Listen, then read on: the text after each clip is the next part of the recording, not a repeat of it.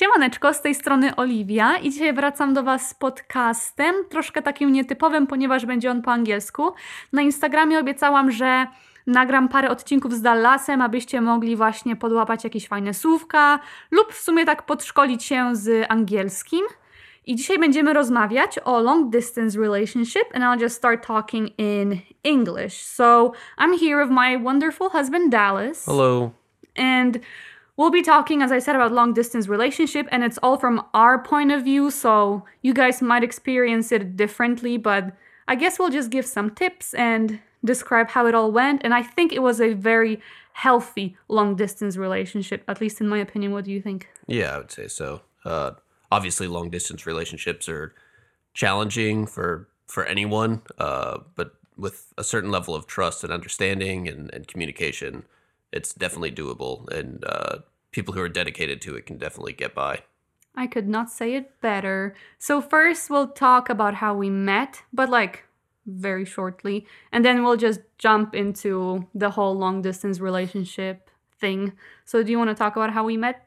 Yeah, sure. Uh, so before I joined the army, um, I was working a civilian job in Belgium, and Olivia was also there with her family because we were uh, our, her family's military. Uh, and we met in 2017 at a festival in in Belgium. Uh, we didn't really talk to each other for about a year after that, uh, and then we met again uh, the night before my birthday, actually. Was it the night before your birthday? Yeah, yeah. Oh. And then that was that was kind of it. From from there on, we just have talked to each other pretty much every day possible. the rest is history. True, true. Well, I would say Ibiza was um, our place where it all really started. But Yeah. yeah, but that was that was it. Okay, so um first, how did you feel when I was going out with my friends to different parties, especially when I had my male friends because I'm from Kołobrzeg. Wiecie, skąd? And I mostly have guy friends there. So how did you feel when, you know, I was meeting up with them? Uh, so I mean, like, like I said in the intro, it, it's Mhm. pretty much uh, it's a matter of trust and understanding. So uh, as long as you were open and honest with what you were doing, you know what you know what your intentions were for the evening. Uh, I never really personally had a problem with that. Um, but again, that's that's because I trust you, and you know, there's that understanding that you've never really broken that trust, and so there was no reason for me to like worry or be jealous or anything like that. Uh, so it, it was pretty easy, Mhm. honestly. Well, why I brought it up, it's because there's so many, I think, girls or guys struggling with it. I mean, you know, that maybe they don't trust each other as much. And so when, let's say, a partner leaves out, like goes out and goes partying, and, you know, obviously we tend to talk to different people and we just get stressed about a lot of things. So I think it boils down to just trusting each other. Um, did we have any expectations from each other? Like, mm, did you expect anything from me? How to behave, what to do? Speaking specifically, like when you were out, or Ye- just being apart from you in general. Just being apart from you. Uh, I mean, not any specific expectations. I'd say, like, obviously, loyalty is is Mhm. a a, a pretty baseline thing that you would expect from a partner. I'd, I'd say so. Yeah, no matter if it's a long distance. Yeah, exactly. so that that's with with that being said, uh, I I don't really think I had any deliberate expectations. Obviously, our situation was very uh, unique. So not only did I spend about nine months apart, uh, this is for everyone else's information, uh, we spent about Right. nine months apart uh, while Olivia was at the University of Warsaw. Uh, I was in training for the army in the United States. Then she she then moved to the states in February of 2019, and I was deployed to go to Korea for nine months in uh, what was it June of 2019. Yeah. Yeah, so then I spent nine months apart from her uh, in, in June of 2019. So all in all, we've had very little time actually together because I, I didn't get back to the States until this February. Uh, so we've only really been living together for like, what, nine, ten months in total? Yeah, in total. That's actually a good thing that you brought up because I forgot. Because we've been only together for five months And then it was actually kind of hard because we didn't know what was going to happen, you know? So, Yeah. but we made it through. So so going back to the expectations part of it, Mhm. uh, obvi- obviously like you you you know we got married. Uh, you you're technically my dependent, as the army calls Oh it, my. and, and that means you know that I'm essentially legally responsible for for feeding you and housing you and things like that.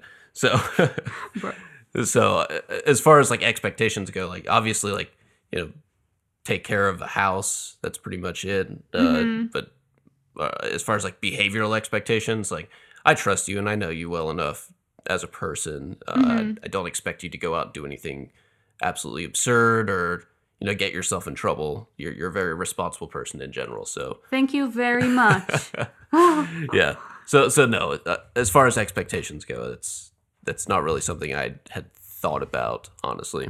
I don't know if I had any expectations. I think, well, what you said, loyalty and just as long as you tell me everything and as long as I know what you're doing, again, you're probably the most trustworthy person I've ever met. So, you know, I just it it all boils down to trust and loyalty and I think that's it. I I mean, it's hard to look or I mean, find any expectations. Yeah, and and also on top of the you know just trust that we do have for each other, like especially when I was where I was, I kept myself very very busy uh, with with my work when I was deployed, Right. and also when I was in training here. It's you know in the field all the time, or like I have to be studying until nine or ten at night because I, I have a test coming up the next week. It, it, it was pretty taxing as far as work goes, so there wasn't a whole lot of time for me to to go out and be nefarious or anything like that. Yeah, so. I think this is a good point, like being busy, but I'll talk about it a little bit later because that's also a very good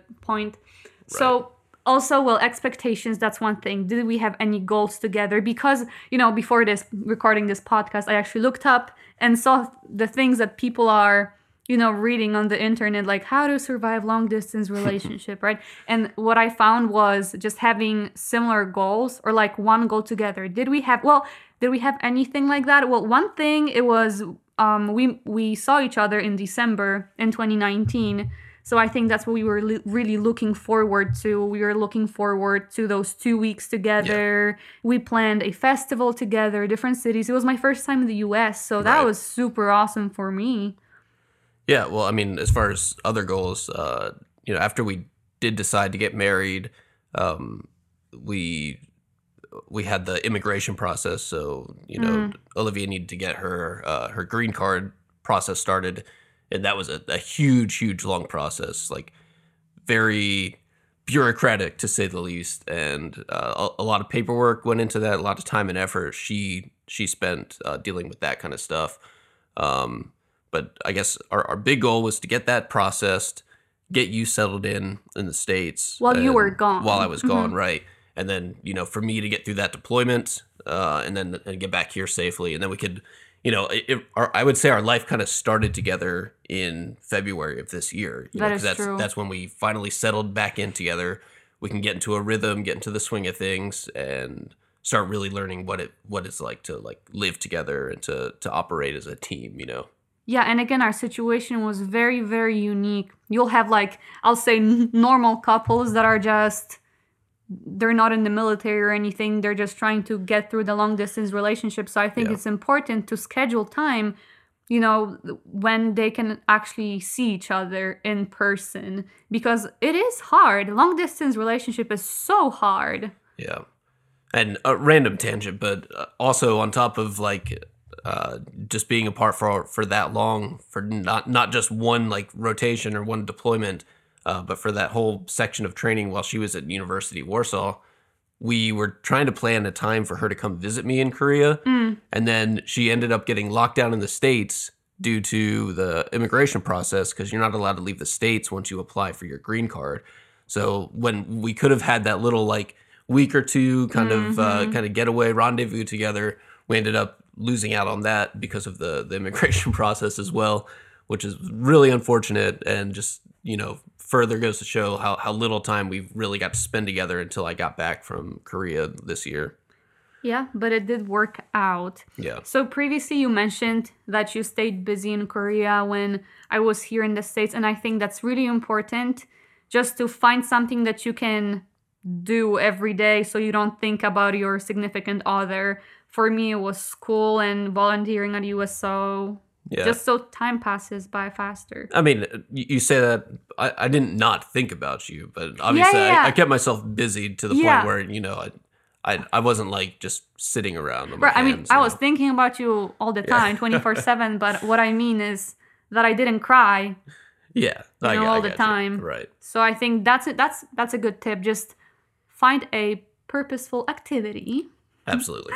Yeah. And then okay, when it comes to so I forgot to mention something. So you know how I was talking about like, you know, meeting up with your friends and you know, just like another person can be jealous because oh, I don't get a chance to spend blah blah blah, but they do other people. And I I wrote down something like don't put your life on hold. Yeah. So that I think that's so important because I mean, if you don't do anything, what are you going to talk about when you call your partner? I mean, you want your other, per, like you Yeah, want your significant other to do stuff. So you know you're happy that they're doing something. They're really living their life. You trust them. Yeah, no, that that's that's a good point too. It's Mhm. like because when we do get to talk, uh, it's you know once maybe twice a day kind of thing. At least for for our situation, um, we were a 14 hour difference while I was in Korea. We were seven hour difference when I was in in training and she was in Warsaw. Um, so like obviously talking to each other becomes kind of a a balancing act of like when are you gonna call? Are you gonna wake up early or I'm gonna stay up late or you know how how are we gonna coordinate that? and and you don't want to waste that time so like if we talk for 30 minutes an hour two hours like what are you actually going to talk about if you if you didn't do anything so True. uh, yeah like i said i i always had a plethora of things to talk about um, from from work because it was you know stuff got pretty crazy uh, in korea for sure uh, so so that was that was good and then olivia like i said like she said kept herself really busy with her school and, and volunteering you know, taking care of life in in the in the states, and with her being like a you know brand new to the states, everything's new. It- It, would be kind of the same with me being in the in Europe for the first time. Like you have to learn all the new processes, how to how to get along. You know, like it, it it's very different. If if you're not from a country, operating there is just like a night and day. It's it's culture shock. Yeah, it's really hard. It's really hard. So, speaking of texting and talking to each other, do you think there should be a rule as to how many times a day are you supposed to, let's say, call? Because uh. texting, I think it's all the time. What is imp- what was really important to me was getting that morning, like good morning text and good night. If I didn't get that good night from you, Yeah. sleeping was so much worse. But sometimes it happened because you know you were tired, you fell asleep. I was super tired. I was having a bad day, so I just fell asleep. So I think. So, what do you think? Is Well, there like a number? No, I don't. I don't think there should be a rule personally. Like that's not something that that we talked about. We never like sat down and said, "Hey, we're gonna we're we will call each other one once a day or you know, twice a day or whatever." Yeah. I, I just feel if if if you're really committed to that relationship, you're going to take the time to find time to to you know communicate with your significant other. Uh, so pretty much, I, I luckily did have like dedicated family time uh, before work in the morning. hmm So after after I would do my my physical training, there was like a two hour period where it was dedicated like quote family time, uh, where you would do like personal hygiene and it gave you time to call your family back in the states. Um, so so that was nice. That was kind of our time that we would normally talk. Uh, but no, as far as far as a rule, I, I would say if you're dedicated to the to the relationship, you don't really need to make that rule. Just find time for for your significant other. Yeah, I, I I do agree, but I I'll still stick to the good morning and good night Yeah, texts because that made my day. That seems natural, though. You know, mm-hmm. when, you're living with someone, like, of course, you, you're waking up with them in the morning. You're going to sleep with them, even if you have to wake up earlier. Normally, You're like you reach over and say, "Hey, morning, I'm going to work" or something. That's yeah, so. No, of course that that seems natural. Just to to send that good morning, good night text. yeah, I do agree. And now something less nice, I would say. Oh no.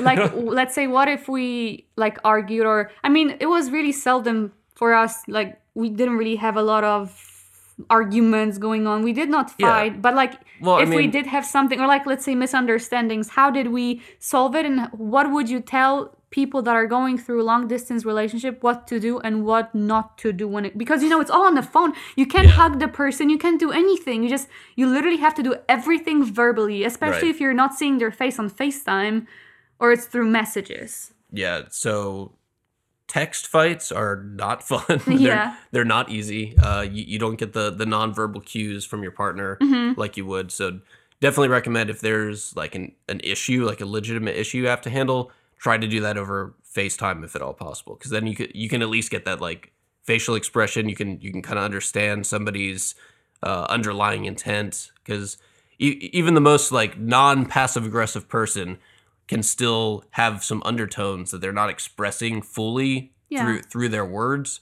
So like messages are, are just not exactly the best way to uh to try to resolve things, in my opinion. Yeah, which I did So- once. I like I was a little bit pissed about something and I decided to message you after like 2 weeks that we didn't even talk to each other because you didn't have your phone cuz you were in um California during NTC, remember that? Yep. And I was like, I don't know, it was so silly of me because he didn't know what was going on. I didn't really know what was going on.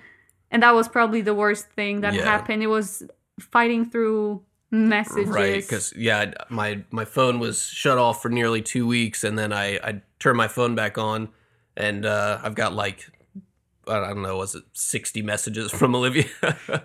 it was yeah. Well, I texted was, you every day cuz Right. No, like most of them were, were nice, like good morning, hey, I love you, text and everything like that. But then there's like a string of like all this craziness going on. I'm like, oh my god, I have no idea what's happening.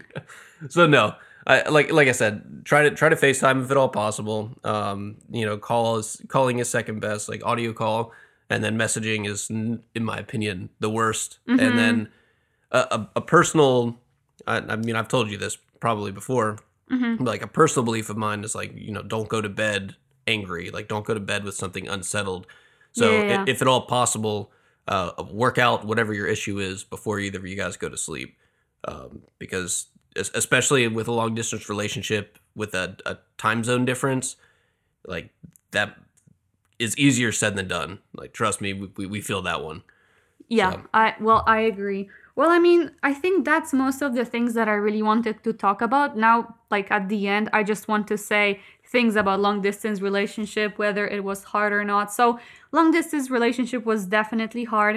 It was definitely a trial, but I think once you go through distance long distance relationship, you can go through anything. It was hard, but also one thing I think both partners have to be mature when it comes to being in a relationship. And I was Yeah, sure. so lucky with Dallas because he showed me this ma- maturity and damn that accent maturity can you say that maturity thank you and i mean he showed me so much love and i just wanted to be with him forever so that's it i Yeah. mean it's just hard but you just have to trust your partner Yeah, uh, it it's it sucks being away. I mean, it it sucks like uh, being apart from your partner in general. Um, but then then trying to maintain that for a long period of time. Um, no, it, it it's hard, but it's definitely doable.